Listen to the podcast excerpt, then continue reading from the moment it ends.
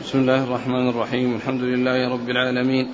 الصلاة والسلام على عبد الله ورسوله نبينا محمد وعلى آله وصحبه أجمعين. أما بعد فيقول أمير المؤمنين في الحديث أبو عبد الله محمد بن إسماعيل البخاري رحمه الله تعالى يقول في كتابه الجامع الصحيح باب ما جاء في التطوع مثنى مثنى ويذكر ذلك عن عمار وأبي ذر وأنس وجابر بن زيد وعكرمة والزهري رضي الله عنهم. وقال يحيى بن سعيد الأنصاري ما أدركت فقهاء أرضنا إلا يسلمون في كل اثنتين إلا يسلمون في كل اثنتين من النهار. قال حدثنا قتيبة قال حدثنا عبد الرحمن بن أبي الموالي عن محمد بن المنكدر عن جابر بن عبد الله رضي الله عنهما أنه قال كان رسول الله صلى الله عليه وعلى آله وسلم يعلمنا الاستخارة في الأمور كما يعلمنا السورة من القرآن. يقول إذا هم أحدكم بالأمر فليركع ركعتين من غير الفريضة ثم ليقل اللهم إني أستخيرك بعلمك وأستقدرك بقدرتك وأسألك من فضلك العظيم فإنك تقدر ولا أقدر وتعلم ولا أعلم وأنت علام الغيوب. اللهم إن كنت تعلم أن هذا الأمر خير لي في ديني ومعاشي وعاقبة أمري أو قال عاجل أمري وآجله فاقدره لي ويسره لي ثم بارك لي فيه. وإن كنت تعلم أن هذا الأمر شر لي في ديني ومعاشي وعاقبة أمري أو قال في عاجل أمري وآجله فاصرفه عني واصرفني عنه واقدر لي الخير حيث كان ثم أرضني. قال ويسمي حاجته. بسم الله الرحمن الرحيم. الحمد لله رب العالمين وصلى الله وسلم وبارك على عبده ورسوله نبينا محمد وعلى آله وأصحابه أجمعين. أما بعد يقول الإمام البخاري رحمه الله باب التطوع بالليل والنهار.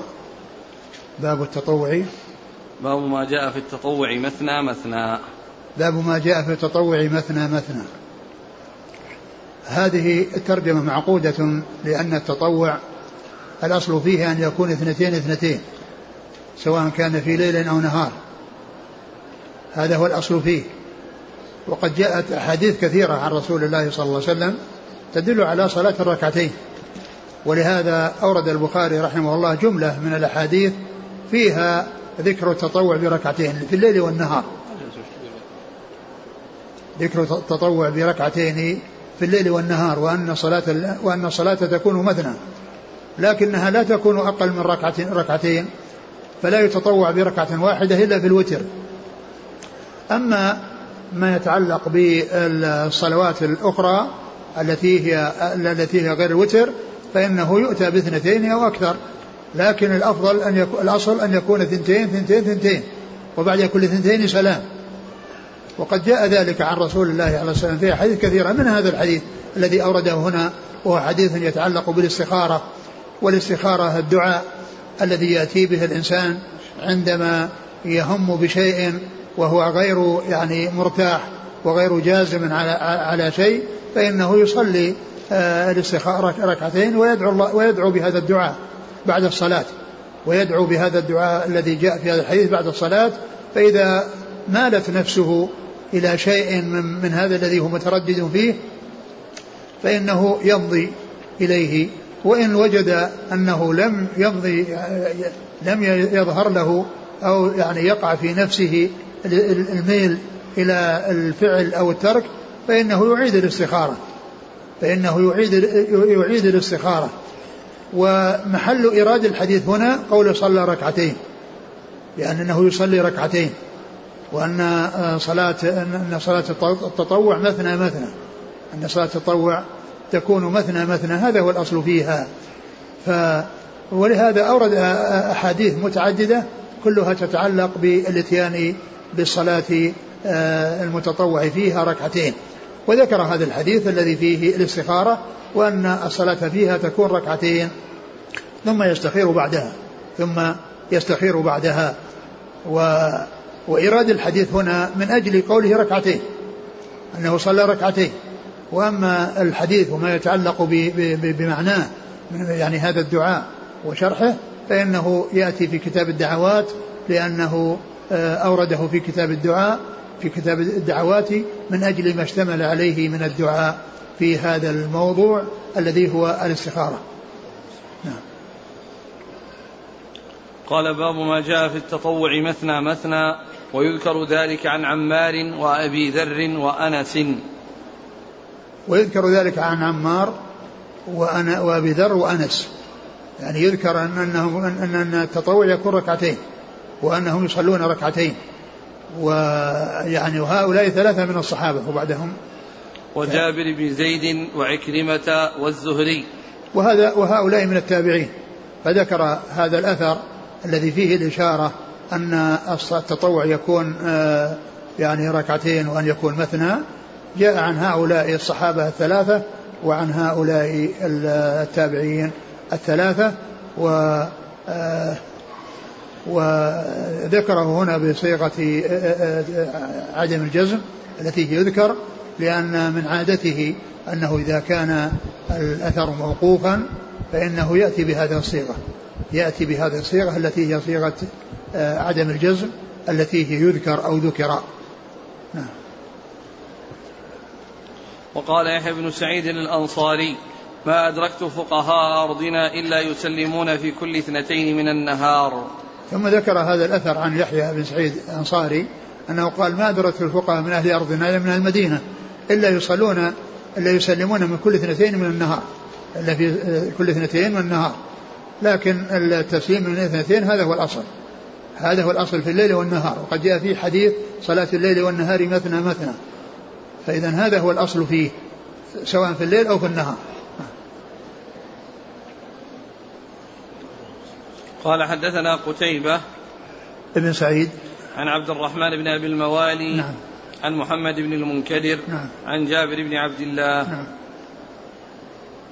قال حدثنا المكي بن إبراهيم. عن عبد الله بن سعيد عن عامر بن عبد الله بن الزبير عن عمرو بن سليم الزرقي أنه سمع أبا قتادة بن ربعين الأنصاري رضي الله عنه أنه قال قال النبي صلى الله عليه وعلى آله وسلم إذا دخل أحدكم المسجد فلا يجلس حتى يصلي ركعتين. ثم ذكر هذا هذا الحديث عن أبي قتادة رضي الله عنه. أنه قال عليه الصلاة والسلام إذا دخل إذا دخل أحد المسجد فلا يجلس حتى يصلي ركعتين. أورده هنا من أجل ذكر الركعتين وأنه يصلي ركعتين. وأورده فيما يتعلق بدخول المسجد وأن الإنسان إذا دخل المسجد يعني لابد له من صلاة وأن تكون على الأقل ركعتين. وإن أتى بأربع ثنتين ثم ثنتين ثم ثنتين ما في بس ولكن لا يأتي بواحدة. فله مفهوم من حيث الأقل بحيث لا ينقص عنه وليس له مفهوم من حيث مما هو فوق الاثنتين فإنه يجوز أن يزيد. فالحديث الذي قال إذا من حتى يصلي ركعتين ليس معنى ذلك أنه لا يجوز إلا يصلي ركعتين. بل يصلي ركعتين وإن شاء أتى بثنتين ثم ثنتين وهكذا. لكن لا يجوز له أن يأتي بركعة واحدة فله مفهوم من حيث الأقل فلا يؤتى بأقل وليس له مفهوم مما فوق فله أن يأتي بأكثر من ركعتين لكن يأتي ثنتين ثنتين. نعم. قال حدثنا المكي بن إبراهيم نعم. عن عبد الله بن عن عبد المكي بن إبراهيم هذا من كبار شيوخ البخاري. هذا من كبار شيوخ البخاري الذين روى عنهم الثلاثيات. الذين روى عنهم الثلاثيات منهم مكي بن إبراهيم هذا فإنه آه، من كبار شيوخه وهو من أتباع التابعين لأن الثلاثيات آه، فيها ثلاث أشخاص بين البخاري وبين رسول الله صلى الله عليه وسلم صحابي وتابعي وتابع تابعي. فهو يروي عن التابعين أي صغار التابعين ومنهم يعني هذا الذي هو مكي بن إبراهيم.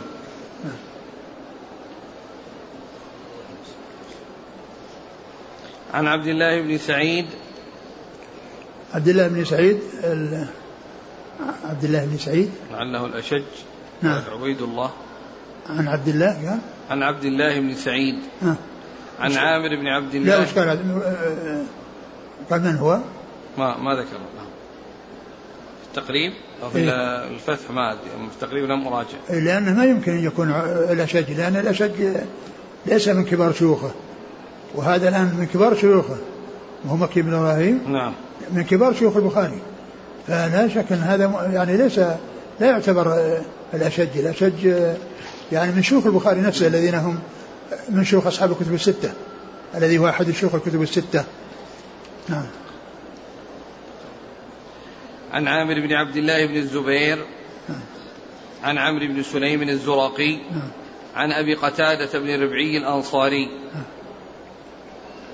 قال حدثنا عبد الله بن يوسف قال أخبرنا مالك عن إسحاق بن عبد الله بن أبي طلحة عن أنس بن مالك رضي الله عنه أنه قال صلى لنا رسول الله صلى الله عليه وسلم ركعتين ثم انصرف. ثم ذكر هذا الحديث انس حديث مختصر قوله صلى لنا رسول الله صلى الله عليه وسلم ركعتين ثم انصرف لأنه كان زارهم في بيتهم وصلى بهم صلاة يعني آه، وهو في البيت وهو الحديث الذي جاء في في مواضع ومنها يعني مطولا حيث قال صليت أنا واليتيم وراءه والعجوز خلفنا. فهذا هو الحديث نفسه وإنما ذكره من أجل الركعتين. ذكره من أجل الركعتين والتطوع بركعتين وأن ذلك كان في النهار. قد صلى بهم صلى الله عليه وسلم في النهار ركعتين وانصرف عليه الصلاة والسلام. يعني صلى لهم يعني صلى بهم صار إماما لهم في بيتهم. ومثل هذا الذي حصل لعتبان ابن مالك عتبان عتبان عثمان بن مالك. نعم عثمان بن مالك نعم. قال حدثنا عبد الله بن يوسف التنيسي. عن مالك عن إسحاق بن عبد الله بن أبي طلحة آه. عن أنس بن مالك. آه. قال حدثنا ابن بكير قال حدثنا الليث عن عقيل عن ابن شهاب قال أخبرني سالم عن عبد الله بن عمر رضي الله عنهما أنه قال صليت مع رسول الله صلى الله عليه وعلى آله وسلم ركعتين قبل الظهر وركعتين بعد الظهر وركعتين بعد الجمعة وركعتين بعد المغرب وركعتين بعد العشاء. متن صليت. مع رسول الله صلى الله عليه وسلم ركعتين قبل الظهر وركعتين بعد الظهر وركعتين بعد الجمعة وركعتين بعد المغرب وركعتين بعد العشاء. ثم بعد الحديث مستقل؟ نعم. آه. اقرأه. قال حدثنا آدم قال أخبرنا شعبة قال أخبرنا عمرو بن دينار قال سمعت جابر بن عبد الله رضي الله عنهما أنه قال قال رسول الله صلى الله عليه وعلى آله وسلم وهو يخطب إذا جاء أحدكم والإمام يخطب أو قد خرج فليصلي ركعتين. ثم ذكر في الحديث الأول حديث ابن عمر أنه قال صليت مع رسول الله صلى الله عليه وسلم ثنتين قبل ثنتين ركعتين قبل الظهر. ركعتين قبل الظهر وركعتين آه، بعد الظهر. بعدها وركعتين بعد المغرب جمعة وركعتين بعد الجمعة وركعتين بعد المغرب وركعتين بعد العشاء. نعم. ذكر الجمعة والظهر لأنه يبين أن أن أن أن هذا أن, أن النافلة هي للجمعة وللظهر. نافلة للظهر للجمعة وللظهر. وقد جاء في بعض الأحاديث الصحيحة أن الجمعة يكون بعدها أربع ركعات وفي بعض الأحاديث أنه يصلي أنه يصلي أربع ركعات. أنه يصلي أربع ركعات. جاء من صلى أربعا قبل الظهر وأربعا بعدها. جاء في حديث ذلك حديث. وجاء في ما يتعلق بالجمعة أربعة أربع, أربع ركعات وركعتين. جاء أربع ركعات وأربع ركعتين. هو لما ذكر الظهر ذكر أن الجمعة أيضا مثلها وأنه يتطوع بعدها لكن ليس هناك شيء فيما قبل الجمعة لأنه لم يأتي شيء يدل على أنه يصلى قبلها كذا وإنما جاء أن الإنسان يصلي ما شاء. إذا دخل المسجد يوم الجمعة صلى ما شاء أن يصلي من الركعات ثم يجلس ويقرأ القرآن ويعني وإذا دخل الصحابة كانوا إذا دخلوا المسجد يعني صلوا ما شاء أن يصلوا ثم قعدوا ولا يقومون إلا للصلاة. ثم قعدوا ولا يقومون إلا للصلاة. فهذا آه، فيه ذكر الأربعة. ولكن جاء عنه في في كما سيأتي في حديث آخر أن حفصة أنها أخبرته بأن النبي صلى الله عليه وسلم كان يصلي في بيته ركعتين يعني قبل الفجر. وقد جاء عنه رضي الله عنه في حديث حفظت من الرسول صلى الله عليه وسلم اثنتي عشر ركعة. ثم سرد ثنتين قبل الفجر وثنتين قبل الظهر وثنتين بعدها وثنتين بعد المغرب وثنتين بالعشاء بعد العشاء. في حديث حفظت من رسول الله ذكر فيه الاثنى عشر. وهنا ذكر فيه الأربع التي هي يعني التي هي آه، آه، ما عدا الفجر لأنه جاءت في بعض الأحاديث مستقلة وأنها جاءت عن أخته حفصة. وقوله هنا صليت مع النبي صلى الله عليه وسلم. صليت مع النبي. ليس معنى ذلك أنه صلى معه إماما مأموما وأنه صلى معه صلى الله عليه وسلم. وإنما صلى مثل ما صلى. يعني الرسول صلى ركعتين وهو صلى مثله ركعتين. لكن ليس معنى ذلك أنه إماما وأنه آه، آه، أن المعية تقتضي أنه صلاها معه جماعة وأنه حصل آه، كونه صلى معه إماما ومأموم. وإنما قال أنه صلى معه أي أنه فعل معه ذلك الفعل أو فعل ذلك الفعل الذي رآه يفعله. ولهذا جاء في بعض الأحاديث حفظت من رسول الله. يعني في بعض الأحاديث حفظت من رسول الله صلى الله عليه وسلم 12 ركعة. عشر ركعات ركعتين كذا وركعتين كذا حتى يعني صارت عشرة بدون ذكر الجمعة بدون ذكر الجمعة. والجمعة جاءت في هذا الحديث مع الظهر وجاءت في بعض الحديث مستقلة أنها ركعتين أو أربعة. ثبت عنه هذا وثبت عنه هذا صلوات الله وسلامه وبركاته عليه. وإذا فالمقصود بقوله صليت معه لا يدل على حصول الجمع وأنه جماعة وأنه صلى معه آه، جماعة وإنما صلى كما صلى أنه الرسول صلى ركعتين وهو صلى ركعتين. يعني فهو من حيث الموافقة لا من حيث الجماعة وأنه صلى معه جماعة. الرواتب وإنما صلى الأشياء التي شاهدها قال إنه صلاها وأما تلك فقد جاء في بعض الروايات أن حفصة سألت حفصة فأخبرتني أنه كان يصلي ركعتين في بيته قبل أن يخرج إلى صلاة الفجر. نعم. قال حدثنا ابن بكير نعم. يحيى عن الليث نعم. عن عقيل عن ابن شهاب نعم. عن سالم عن عبد الله بن عمر. نعم.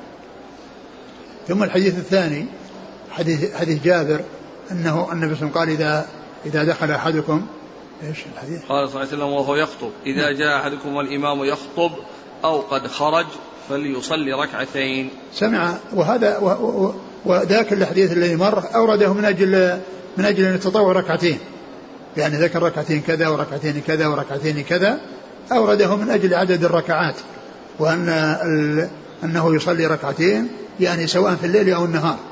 يعني سواء في الليل أو النهار لأنه يأتي بركعتين. لأن قبل الظهر وبعدها ركعتين ركعتين أو أنها أربع يعني وأنها ثنتين ثنتين وكذلك بعد آه، وهذا فيما وكذلك قبل الفجر ركعتين وبعد المغرب ركعتين وبعد العشاء ركعتين وهي ركعات بالليل والنهار وكلها ركعتين. آه هذا الحديث عن جابر أن النبي قال وهو يخطب إذا دخل أحد المسجد والإمام يخطب أو قد خرج يعني خرج إلى الناس. يعني آه يعني ما بدأ يخطب ولكنه رآه في الطريق. يعني يمشي أو خرج على الناس دخل المسجد وسلم عليهم عند الدخول ومشى إلى المنبر. يعني حتى يعني يقعد عليه وقت الأذان. فهو قال إذا إذا كان يخطب أو خرج. أي خرج إلى الناس ليخطب. فإنه لا يجلس حتى يصلي ركعتين ولكنه يخففهما. قال حدثنا آدم ابن أبي إياس عن شعبة عن عمرو بن دينار عن جابر بن عبد الله. آه الإسناد الأول مكي بن إبراهيم عن عبد الله بن سعيد. أي. ابن أبي هند الفزاري مولاهم أبو بكر المدني صدوق ربما وهم من السادسة. مات سنة بضع وأربعين. أخرج له أصحاب الكتب. ذكر الذهبي في الكاشف يعني بضع بضع وأربعين ومائة. يعني أنه من التابعين. لأنه يروي عن عن عن من هو؟ عن عامر بن عبد الله بن الزبير. نعم نعم. يعني يعني هذا المكي بن إبراهيم من, من شيوخه الذين الذين هم من التابعين. ويروي عن يحيى بن سعيد وتوفي فوق الأربعين. يعني معناه أنها يعني جعفر مكي بن إبراهيم يروي عنه. مكي بن إبراهيم يعني يعني بعد المئتين وفاته وقد أدرك هذا وروى عنه الذي هو عبد الله بن سعيد.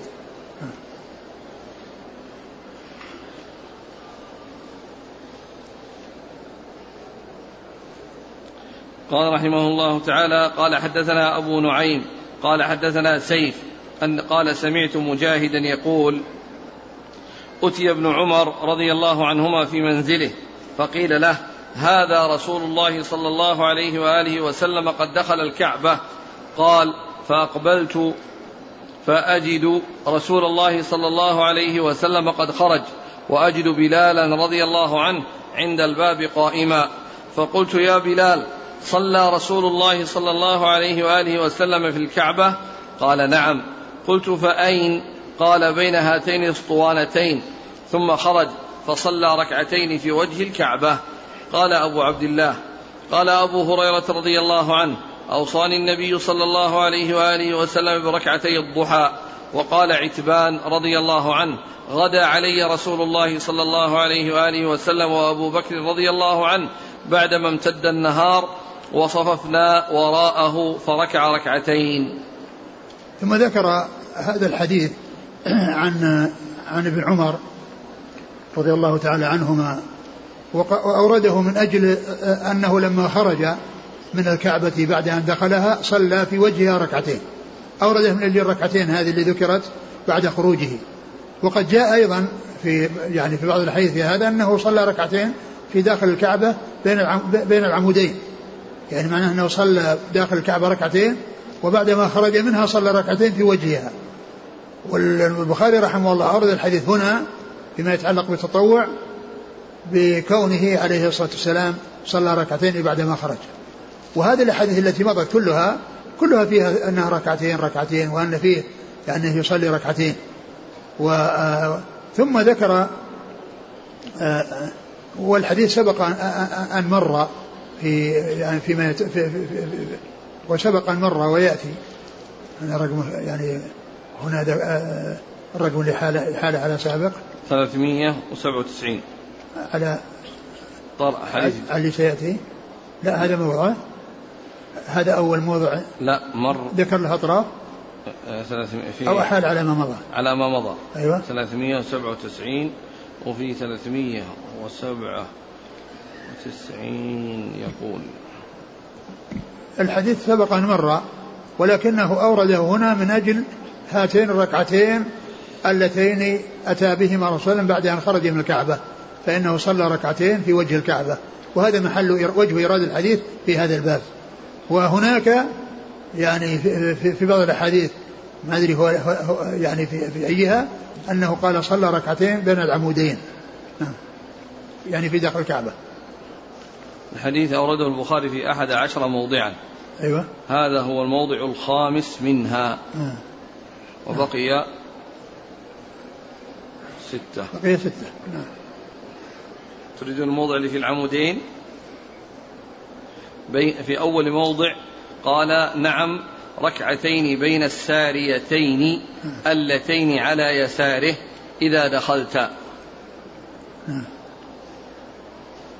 وفي ثمانية موضع الثاني قال بين الأسطوانتين. هو صلى يعني ركعتين في داخل الكعبة وصلى خارجه. هذا الحديث اللي معنا من أجل الركعتين التي في خارجها بعدما خرج. وفي أيضا وفيه أيضا شيء آخر هو نفس ما كان في داخل الكعبة. أيضا هو مثل مثل آه، ما أورده في هذه الأحاديث أنها صلى ركعتين ركعتين. آه. الموطن الثالث قال صلى بين العمودين المقدمين. نعم لأن الكعبة لها ست ستة أعمدة ففي عمود في الوسط وعمودين في الآخر وهو سطرين. السطر الأول يعني فيه أعمدة والثاني لو الأمامي فيه أعمدة والأمامي صلى بين العمودين في الأول فصار بينه وبين الجدار المقابل ثلاثة ذراع. في موضع سيأتي قال صلى قال نعم بين العمودين اليمانيين. يعني اللي جهة اليمن. لأن فيه عمودين يميين وعمودين شاميين. اللي اللي من جهة الشمال يعني آه، آآ آه، لم يصلي بينهم وإنما صلى في العمودين اللي في جهة الجنوب وفي السطر الأول منها الذي إذا دخل يكون أمامه آه، ثلاث أعمدة سطر هو دخل وصلى بين العمودين المقدمتين الصف الأول أو السطر الأول من الأعمدة ليس في السطر الثاني الذي من جهة الباب. عليك المواطن الأخرى في مجلدات بعد نعم. ذلك. نعم. المواطن الباقية في المجلدات المتأخرة طيب نعم.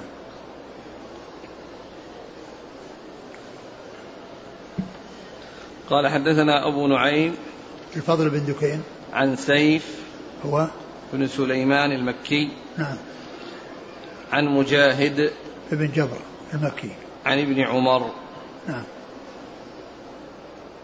قال أبو عبد الله قال أبو هريرة رضي الله عنه أوصاني النبي صلى الله عليه وسلم بركعتي الضحى. ثم ذكر هذا هذا الأثر المعلق الحديث المعلق وقد وصله في مواضع وقد خرجه البخاري ومسلم وفيه جمل ثلاث التي هي أوصاني خليلي صلى الله عليه وسلم ب- ب- ب- بركعتين. بركعتين بر- بركعتي الضحى. بركعتي الضحى وهذا هو محل الشاهد. وصيام ثلاثة أيام من كل شهر وأن أوتر قبل أن أنام. والحديث آه، آه، اكتفى بإراده هنا يعني دون إسناده لأنه أسند في مواضع متعددة. نعم. وقال عتبان غدا علي رسول الله صلى الله عليه وسلم وأبو بكر رضي الله عنه بعد بعدما امتد النهار وصففنا وراءه فركع ركعتين. وهذا أيضا مثل حديث أنس الذي صلى في دارهم ركعتين صلى لهم في دارهم ركعتين وهنا صلى لهم في دارهم ركعتين. ومحل الشاهد ذكر الركعتين ركعتين لأن هذا الباب اللي في التطوع ذكر فيه أحاديث عديدة فيها ذكر التطوع بركعتين في الليل والنهار.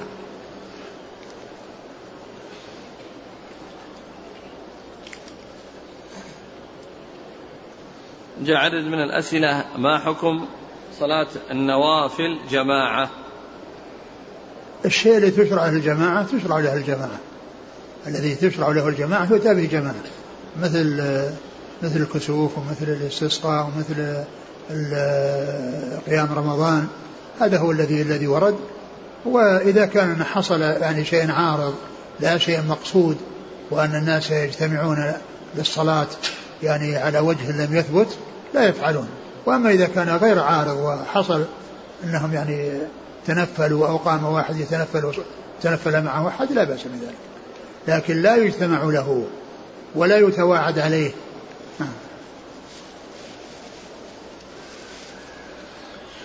قال رحمه الله تعالى باب الحديث يعني بعد ركعتي الفجر. قال حدثنا علي بن عبد الله قال حدثنا سفيان قال قال قال أبو النضر حدثني أبي عن أبي سلمة عن عائشة رضي الله عنها أن النبي صلى الله عليه وعلى آله وسلم كان يصلي ركعتين فإن كنت مستيقظ حدثني وإلا اضطجع. قلت لسفيان فإن بعضهم يرويه ركعتي الفجر. قال سفيان هو ذاك. هذا هذا هذا الحديث باب هذا الباب الذي هو باب آه، باب الحديث. باب الحديث بعد الركعتين؟ يعني بعد ركعتي الفجر. باب الحديث يعني بعد ركعتي الفجر. يعني هذا الحديث متصل بالأحاديث السابقة التي مرت قبل هذا الباب الذي يتعلق بالتطوع. ولهذا جاء في بعض النسخ تأخير هذا الباب الذي مر الذي مضى بحديث المتعددة إلى ما بعد نهاية أحاديث صلاة الفجر. وفي بعض النسخ في هذا المكان الذي توسط بين احاديث صلاة الفجر. لأنه مر احاديث صلاة الفجر آه، ركعتي الفجر وبعد ذلك حديث ركعة الفجر وجاء متوسطا بينهما ولهذا جاءت في بعض النسخ على هذا الوضع الذي آه، رأيناه وجاء في بعض النسخ تأخير هذا الباب إلى بعد الانتهاء من آه، من أحاديث صلاة الفجر من أحاديث صلاة الفجر. ف والحديث هذا الحديث يعني مر قبله يعني بابان يعني يتعلقان بصلاة الفجر. شوف الباب البابين اللي قبل هذا الحديث قبل هذه الأحاديث. باب الضجعة على الشق الأيمن بعد ركعتي الفجر نعم. وباب من تحدث بعد الركعتين ولم يضطجع. نعم. ثم هذا الباب الذي معنا. باب الحديث يعني بعد ركعتي الفجر. أي نعم. هذا مثل الحديث الذي قبله. صحابي واحد. كل حديث عائشة. كلها نعم. كلها تتعلق بركعة الفجر والضجعة. أو التحدث بدون ضجعة بدون اضطجاع لأن الحديث اللي مر اللي مر يعني فيه فيه آه، في الاضطجاع وترك الاضطجاع. فيه الاضطجاع وترك الاضطجاع. وأما هنا فيه الحديث بعد صلاة بعد ركعتي الفجر. والحديث هذا الحديث يدل على هذه المسائل الثلاث كلها. يدل على هذه المسائل الثلاث كلها وأفرد كل وأتى بالحديث في ثلاثة مواضع للاستدلال به في كل موضع على شيء خاص. فأورده في الضجعة وأورده بترك الضجعة وأورده هنا بالحديث بين بعد بعد ركعتي الفجر. ولهذا قلت في بعض النسخ كما رأينا توسط هذا الحديث بين أبواب متفقة وفي بعضها أخر هذا الحديث إلى ما بعد الانتهاء من أحاديث صلاة الفجر. من الأحاديث إلى ما بعد الانتهاء من صلاة الفجر. ولهذا تجد الترقيم يعني الذين رقموه يعني رقموه على النسخ التي فيها بتأخير هذا الحديث. يعني في بعض ما أدري النسخة هذه فيها كذا. الأرقام متفقة أو أنها تأخرت. حدث حدث هنا. لا كلها مرقمة؟ إيه؟ نعم. رقم على التسلسل الموجود فيها. نعم بس انه فيه فيه آه في, في نسخة الفتح. شوف إيش فيه؟ حديث الحديث الثاني الأخير من الحديثين اللي مضى اللي هو آه آه ترك ترك, ترك الضجعة. رقم كم؟ طب فين نسخة الفتح؟ اللي قبله اللي قبل حديث حديث التطوع الباب أو الحديث الذي قبل أحاديث التطوع هذه الستة أو السبعة 1160 ها؟ 1160 إيه هو اللي هو اللي بعد هذا؟ ثم جاءت بعدها مباشرة أحاديث ترك باب التحديث بعد الركعتين ولا مضطجع 61 ها. ثم الحديث بعد ركعتي الفجر 62 اللي هو أي حديث؟ حديث الآن اللي جاء. هذا اللي جاء ستأتي بعد ذلك أحاديث التطوع. إيه لأنها أخرت أحاديث التطوع. والرقم هذا يعني اللي قبل أحاديث التطوع يعني يليه الذي بعده؟ إيه متسلسل يليه الذي بعده؟ في طبعة الطبعة السلفية متسلسل. نعم. على التقديم والتأخير متسلسل. أيوة. على التقديم والتأخير متسلسل. يعني آه، رقمت حديث التطوع. بعد ما قبلها من بعجوه وجاء الباقي بعدها؟ في بعضها فيه نعم فيه. نعم طبعا التي اشتغل عليها الشيخ البراك. ها؟ عليها تعليقات الشيخ البراك بالإضافة لتعليقات الشيخ بن باز باعتناء أبي قتيبة نظر الفريابي قال 61 ثم انتقل قال 168 اي نعم هذا. نعم.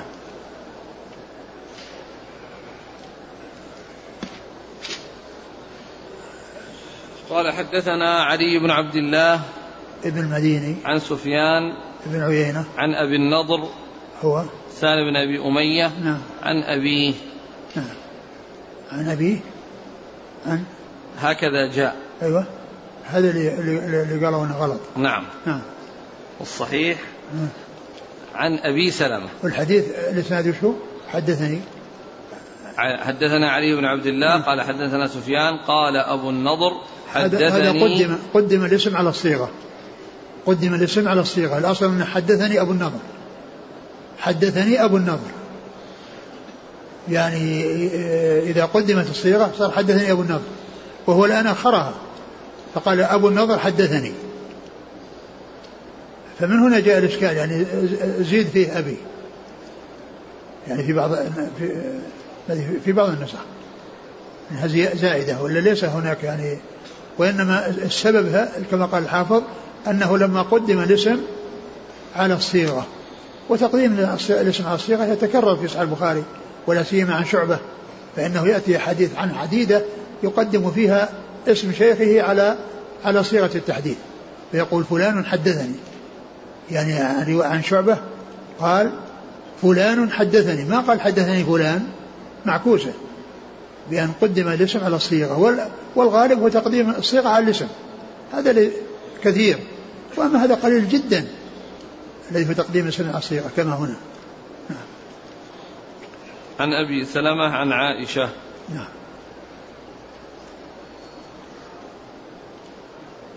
يعني ليس في الإسناد آه، أبو يعني والد أبو النضر. لأنه ليس له رواية. الحافظ حجر قال لا رواية لا في الكتب كلها. وليس لا, لا, لا يرى له رواية فيها. كلام الحافظ بن حجر؟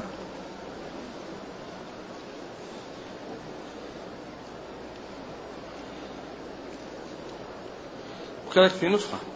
يعني هذه نسخة وقعت النسخة الأخرى. نعم. سليم. عند أبي ذر وغيره نعم.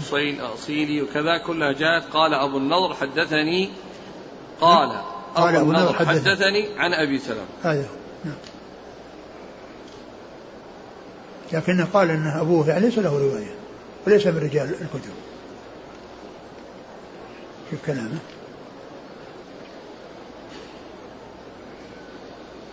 قال الحافظ وقع هنا في بعض النسخ عن سفيان قال سالم أبو النضر حدثني أبي وقوله أبي زيادة لا أصل لها. بل هي غلط محض.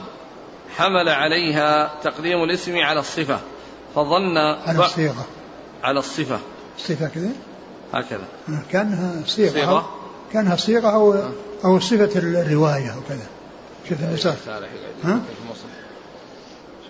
وتقديم الاسم على الصيغة. صيغة التحديث حدثني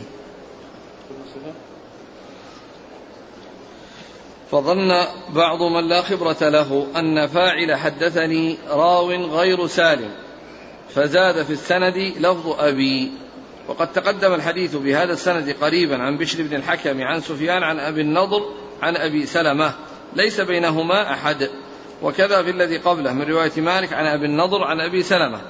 وقد أخرجه الحميدي في مسنده عن سفيان قال حدثنا أبو النضر عن أبي سلمة. وليس لوالد أبي النضر مع ذلك رواية أصلا لا في الصحيح ولا في غيره. فمن زادها فقد أخطأ وبالله التوفيق. لأنه جاء حديث كثيرة فيها تقديم الصيغة الاسم على الصيغة ومع ذلك ما ذكر فيه هذا الخطأ. قال رحمه الله تعالى باب تعاهد ركعتي الفجر. ومن سماهما تطوعا قال حدثنا بيان بن عمرو قال حدثنا يحيى بن سعيد قال حدثنا ابن جريج عن عطاء عن عبيد بن عمير عن عائشة رضي الله عنها أنها قالت لم يكن النبي صلى الله عليه وآله وسلم على شيء من النوافل أشد منه تعاهدا على ركعتي الفجر. باب تعاهد ركعتي الفجر ومن سماهما تطوعا. باب تعاهد ركعتي الفجر أي السنة الركعتان قبل صلاة الفجر. تعاهدها المداومة عليها والحرص عليها وعدم تركها. ولكنها مع هذا التعاهد هي تطوع. لا يقال أن هذا التعاهد يعني يدل على وجوبها وإنما هي من آكد السنن وآكد الرواتب بل هي آكدها مع الوتر. بل آكد الرواتب وآكد السنن بعد يعني بعد بعد المكتوبات هي ركعتا الفجر والوتر. وما كان النبي صلى الله عليه وسلم يتركهما لا في حضر ولا في سفر. وهذا يدل على تأكدهما وعلى ما ترجم له المصنف من التعاهد. لأن التعاهد يعني هو المداو الدماء وأنه لا يتركهما. فقالت لم أكن لم أرى رسول أكثر شيء يعني تعاهدا لشيء من من, من إيش؟ تعاهدا من لم يكن النبي صلى الله عليه وسلم على شيء من النوافل أشد منه تعاهدا على ركعتي الفجر. نعم وكون سماها تطويلا قال نوافل. يعني تطوعا يعني ما وأنها تطوع قال وتسمية. ترجمة. الباب قال إيه. باب تعاهد ركعتي الفجر ومن سماهما تطوعا. ومن سماهما تطوعا. لأن آه، ذكر النوافل لم يكن على شيء من النوافل هي من النوافل. يعني معناها إنها من التطوع. ليست من الأشياء الواجبة ولكنها من آكدها. نعم. لم يكن على شيء من النوافل. يدل على آه، تأكد ركعتي الفجر وأنها آكد آه، الصلوات. نوافل هي والوتر لأن النبي صلى الله عليه وسلم كان يحافظ عليهما في الحضر والسفر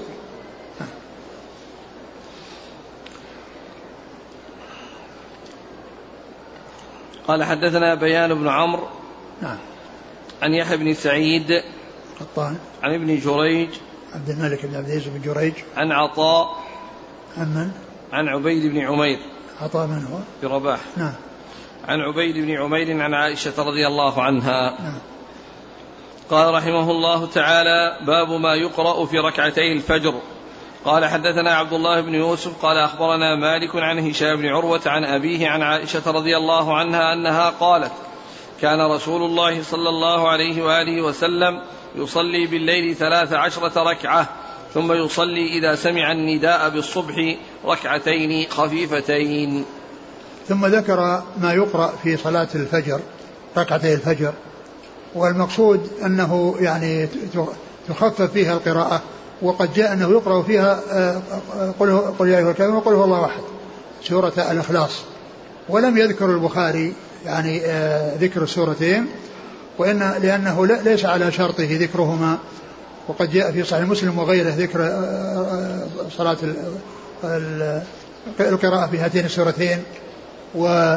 ولكن لما كانت ليس على شرطه أورد ما يدل على ذلك وهو التعبير بالتخفيف. كان يصلي ركعتين خفيفتين. يعني معناه أن السورتين الخفيفتين يعني معناه يقرأ فيهما بمثل هاتين السورتين. اللي هي قل هو الله أحد وقل قل الكافرون وقل هو الله أحد. فكان يخففهما. وهذا يدل على أنه يقرأ فيهما بسور القصار ولا سيما مثل هاتين السورتين اللتين هي قل قل يا أيها الكافرون وقل هو الله أحد. فالحديث ليس في تنصيص على الركعتين ولكن أخذه من التخفيف من ذكر التخفيف. لأن هذا هو الذي يتفق مع ما جاء في بعض الأحاديث التي صرحت بقراءة قل يا أيها الكافرون وقل هو الله أحد.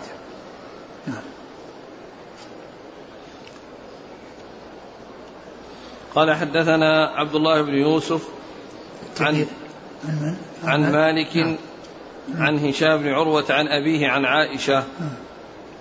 قال حدثنا محمد بن بشار قال حدثنا محمد بن جعفر قال حدثنا شعبة عن محمد بن عبد الرحمن عن عمته عمرة عن عائشة رضي الله عنها أنها قالت كان النبي صلى الله عليه وعلى آله وسلم قال وحدثنا أحمد بن يونس قال حدثنا زهير قال حدثنا يحيى هو بن سعيد عن محمد بن عبد الرحمن عن عمرة عن عائشة رضي الله عنها أنها قالت كان النبي صلى الله عليه وعلى آله وسلم يخفف الركعتين اللتين قبل صلاة الصبح حتى إني لأقول هل قرأ بأم الكتاب؟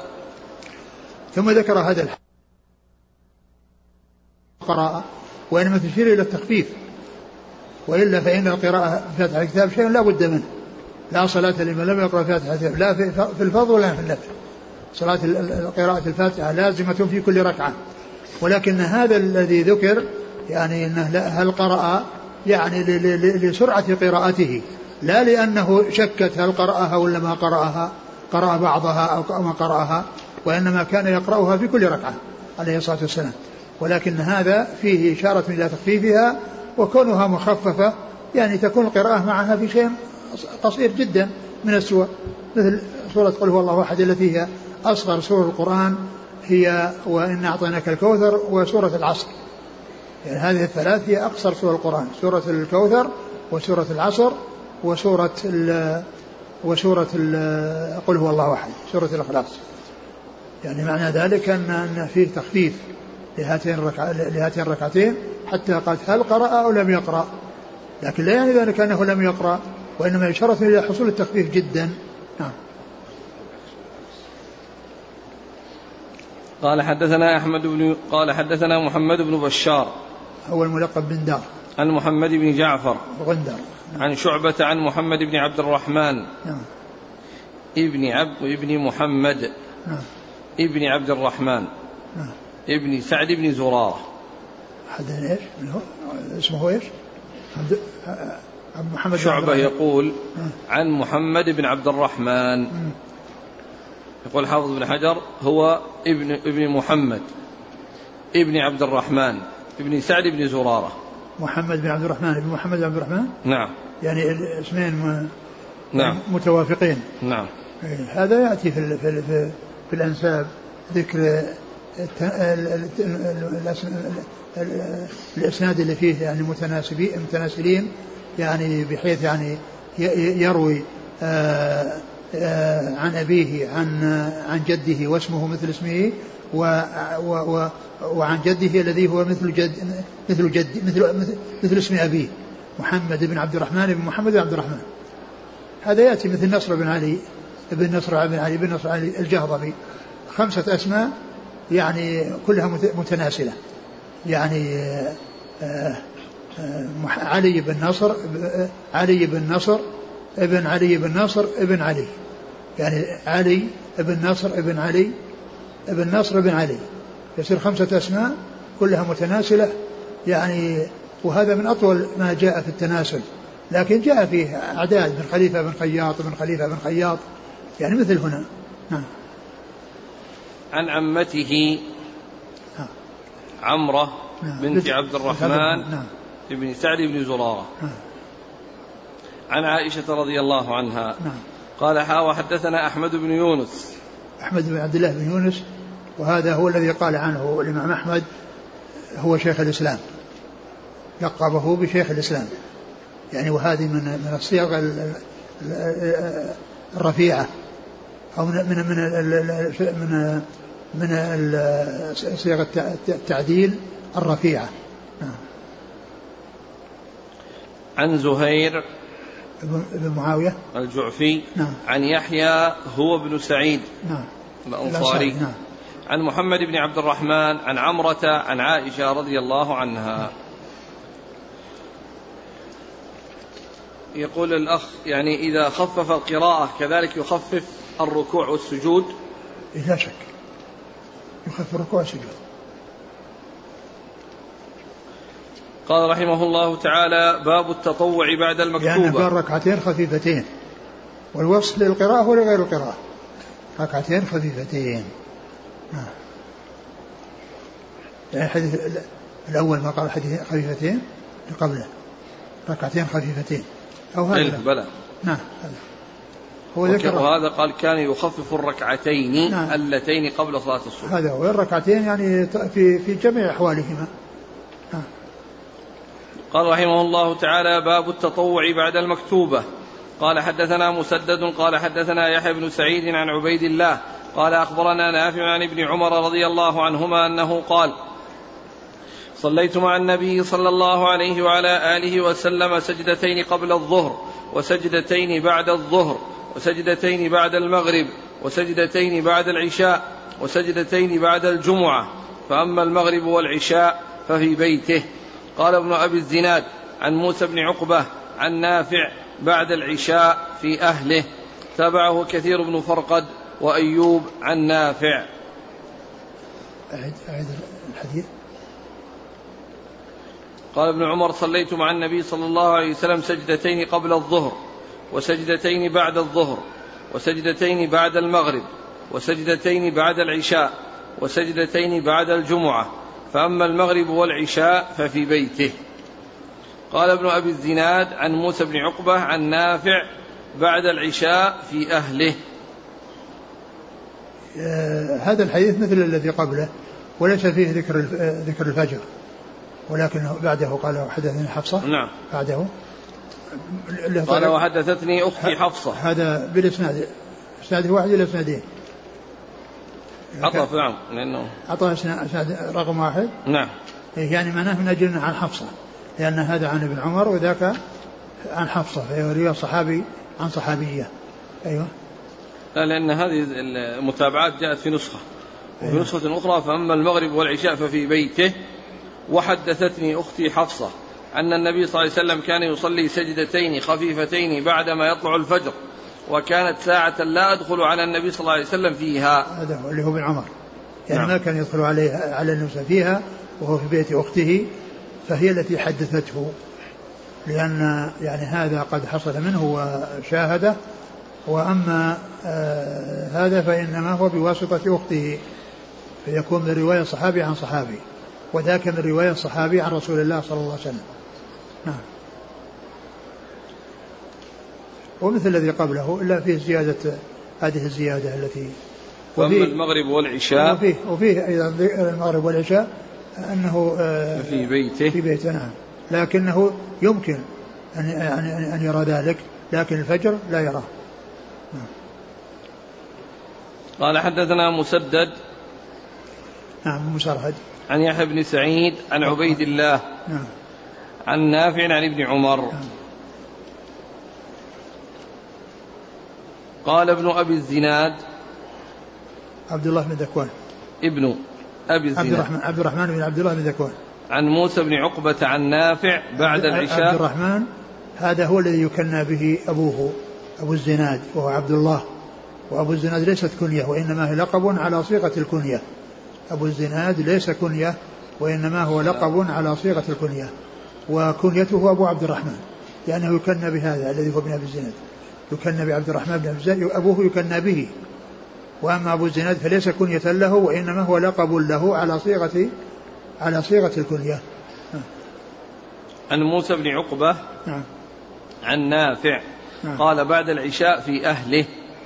أيه. تابعه كثير بن فرقد وأيوب عن نافع. نعم.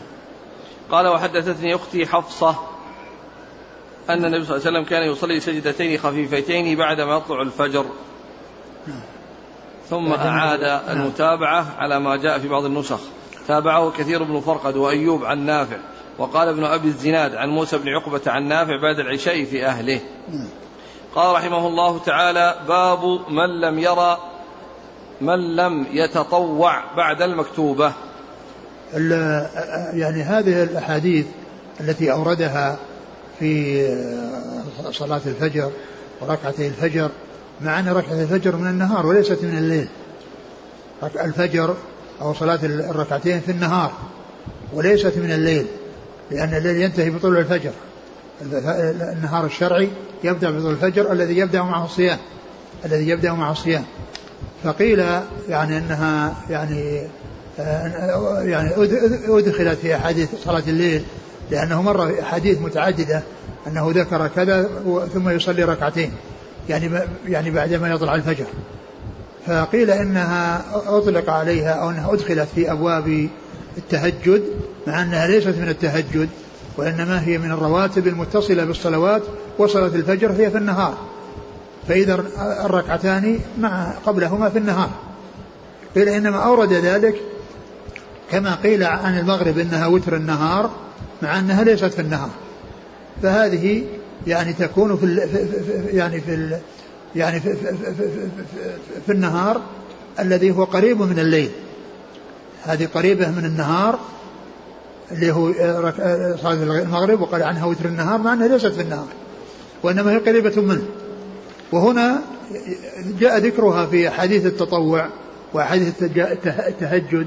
وأوردت هذه في في هذا في هذا الكتاب مع أنها ليست تابعة لصلاة الليل وأنها تهجد بسبب قربها. فكما يقال للمغرب وتر النهار فيقال للتهجد أو ركعتي الفجر أنها من من الليل أو أنها تذكر مع يعني مع صلاة الليل للقرب بينهما لأن الشيء قد يطلق على ما يقاربه.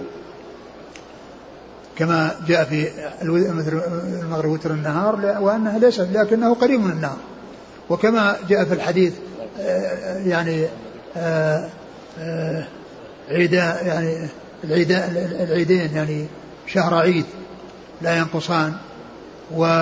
وعيد الفطر هو في ليس في رمضان وإنما هو في شوال ولكنه أضيف إلى ال- إلى الشهر. وإلى العيد لاتصاله أو لقربه منه. فهذه من صلاة المغرب هي من هذا القبيل وهذا من هذا القبيل. وهذا الذي ذكره المصنف هنا من إيراد أحاديث صلاة الفجر ركعة الفجر في كتاب التهجد أو في باب التهجد أو باب صلاة الليل لأنها قريبة من من الليل وإن لم تكن في الليل. نعم. قال باب من لم يتطوع بعد المكتوبة.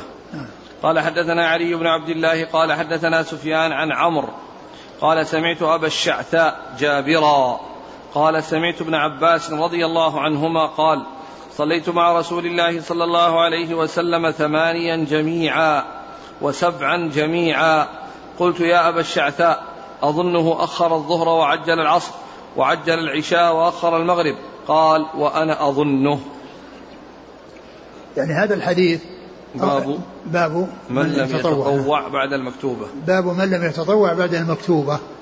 يعني أورده هنا أورد هذا هذا هذا هذا الحديث هنا الذي كونه صلى بالمدينة من غير خوف أو مرض أو مطر آه وقد جمع بينهما عليه الصلاة والسلام حتى لا يحرج أمته. أورد البخاري رحمه الله هذا الحديث الذي هو كونه صلى أربعا وصلى ثلاث وصلى صلى ثمانيا وصلى وصلى صلى ثمانيا جميعا أي وصلى سبعا جميعا. جميعا. يعني ثمانيا جميعا الظهر والعصر. يعني بتمام بالتمام. يعني تام تامة. وصلى المغرب والعشاء سبعا. يعني تامة ليس فيها قصر. وكان هذا في المدينة. وإنما كان لظرف خاص أو لأمر خاص. وقال ابن عباس أراد أن لا يحرج أمته عندما يحصل. أمر يقتضي ذلك. فإن لهم أن يفعلوا لهم أن يفعلوا ذلك. ولكن المصنف أورده هنا من أجل عدم التطوع بعد المكتوبة. ويقصد بذلك أنه لم يتطوع بين الظهر والعصر وبين المغرب والعشاء لأنه جمع والجمع ليس فيه تطوع. والجمع ليس فيه تطوع. ومعلوم أن أن أن الجمع إذا حصل يعني في في في السفر أو يعني أو أو المقيم أو المريض الذي يحق له الجمع فإنه لا يتطوع يعني بين صلاتين لأن الصلاة الثانية تأتي بعد الأولى وأيضا الأذكار التي هي التسبيحات إلى ذلك يؤتى بها مرة واحدة بعد بعد بعد الثانية. لا يقال أنه يأتي بها مكررة عن الأولى وعن الثانية وإنما يأتي بها عن الثانية فقط. أو بعد الثانية فقط. فإذا إيراد البخاري رحمه الله لهذا الحديث تحت هذه الترجمة من أجل ما بين الظهر والعصر حيث جمعتا وبين المغرب والعشاء حيث جمعتا فإنه ليس فيه تنفل بين آه، بين الصلاتين. ومعلوم أن الظهر يعني آه، يعني بينهما تنفل بين الظهر والعصر وكذلك بين المغرب والعشاء. في تنفل في الأصل لكن إذا جمع ليس فيه بسبب الجمع. نعم.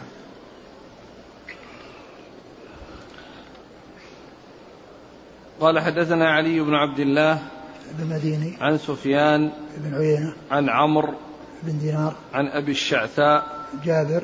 جابر بن زيد. نعم. عن ابن عباس. نعم. قال رحمه الله تعالى باب صلاة الضحى في السفر. والله تعالى أعلم وصلى الله وسلم وبارك. على عبده ورسوله نبينا محمد وعلى آله وأصحابه أجمعين. جزاكم الله خيرا وبارك الله فيكم. ألهمكم الله الصواب ووفقكم للحق شافاكم الله وعافاكم ونفعنا الله ما سمعنا غفر الله لنا ولكم وللمسلمين أجمعين. آمين. آمين, آمين. يقول السائل أحسن الله إليكم كيف نجمع بين قول النبي صلى الله عليه وسلم صلاة الليل والنهار مثنى مثنى مع أن النبي صلى الله عليه وسلم كان يوتر بسبع وبتسع لا يجلس إلا في آخرها. يعني هذا في الغالب في الغالب. وإذا ورد شيء على خلاف هذا الغالب يعني للإنسان يأتي به. لكن الأولى أن يأتي باثنتين اثنتين.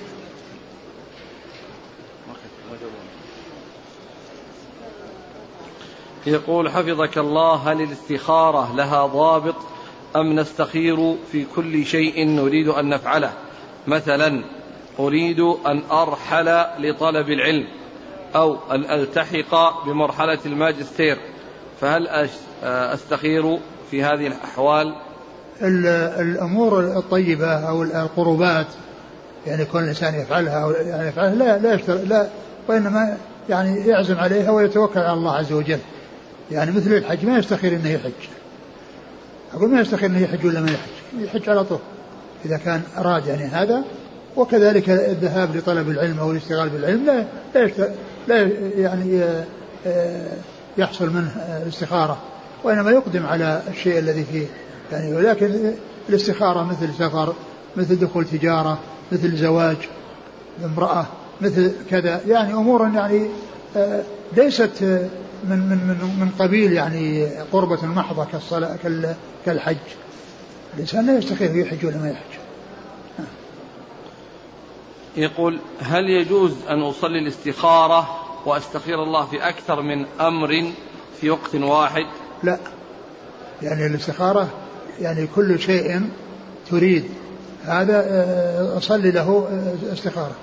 يعني ولهذا يسمي ما تروح تجيب لك عشرة أشياء ولا كذا وتقول أفعل فلان شيء كذا وكذا وكذا وكذا وإنما يأتي بالشيء الذي أراده وإذا هذا وإذا انتهى من هذا يأتي بذاك وإذا كان ذاك ما, ما يعني ما طرأ إلا في المعد يأتي به إذا طرأ لكن إذا كان عنده عدة أشياء يعني يريد أن يستخير فيها يستخير لكل واحد آه، يأتي بكل واحد بصلاته. وهل يصح صلاة ركعتين بنية الاستخارة وسنة الوضوء والضحى؟ تعدد النوايا؟ يمكن. يمكن. لكن كونه يأتي بها مستقلة يعني ورد في الحديث من غير الفريضة. في الحديث؟ نعم. ركعتين من غير الفريضة. نعم. يعني يمكن لكن كون الإنسان يحرص على أنه يعني يأتي بهذا ويأتي بهذا مثل الإنسان الذي يصوم ثلاثة أيام من كل شهر ويصوم ست شوال. ويصوم ست من شوال. ما يدخل يعني ثلاث في الست. يقول هذه من, من ثلاث. يعني من ثلاثة أيام يصير ينوي بها هذا وينوي هذا بل يأتي بهذا على هذا. هذا على حدة وهذا على حدة. لأن الحديث الذي فيه آه، آه، ثلاثة أيام من كل تعدل صيام الشهر وست من أيام من شوال مع رمضان تعدل الشهر لو صلى يعني اختصرها وصلى ما يصير عنده هذا العدد. يصير نقص العدد. لكن كونه يصير عنده آه، صيام الدهر في صيام ثلاثة أيام من كل شهر ومنها شوال وكذلك يصلي ستا مستقلة عن هذه الثلاث مع مع مع صيام رمضان يكون صام الدهر مرتين. قل صلينا جماعة ونحن في سفر صلينا الظهر والعصر جمعا دون قصر. فما حكم صلاتنا؟ صح. يعني يجوز. يعني الجمع ليس بواجب. ليس بواجب. فلو صلى الإنسان وهو مسافر تاما أو متما لا بأس بذلك. ثم أيضا الجمع يعني يختلف عن القصر. القصر يعني يتأكد ويعني وإذا تم صلىها كاملة يعني فهو خلاف الأولى. لكن الجمع يعني كونه يصليها يعني آه، آآ ليس هو الأولى.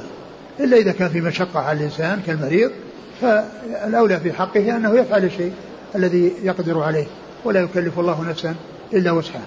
لكن كونه يعني يتحتم عليه القصر وأنه لا بد من أن يقصر لا ليس كذلك. يعني القصر رخصة وليس عزيمة.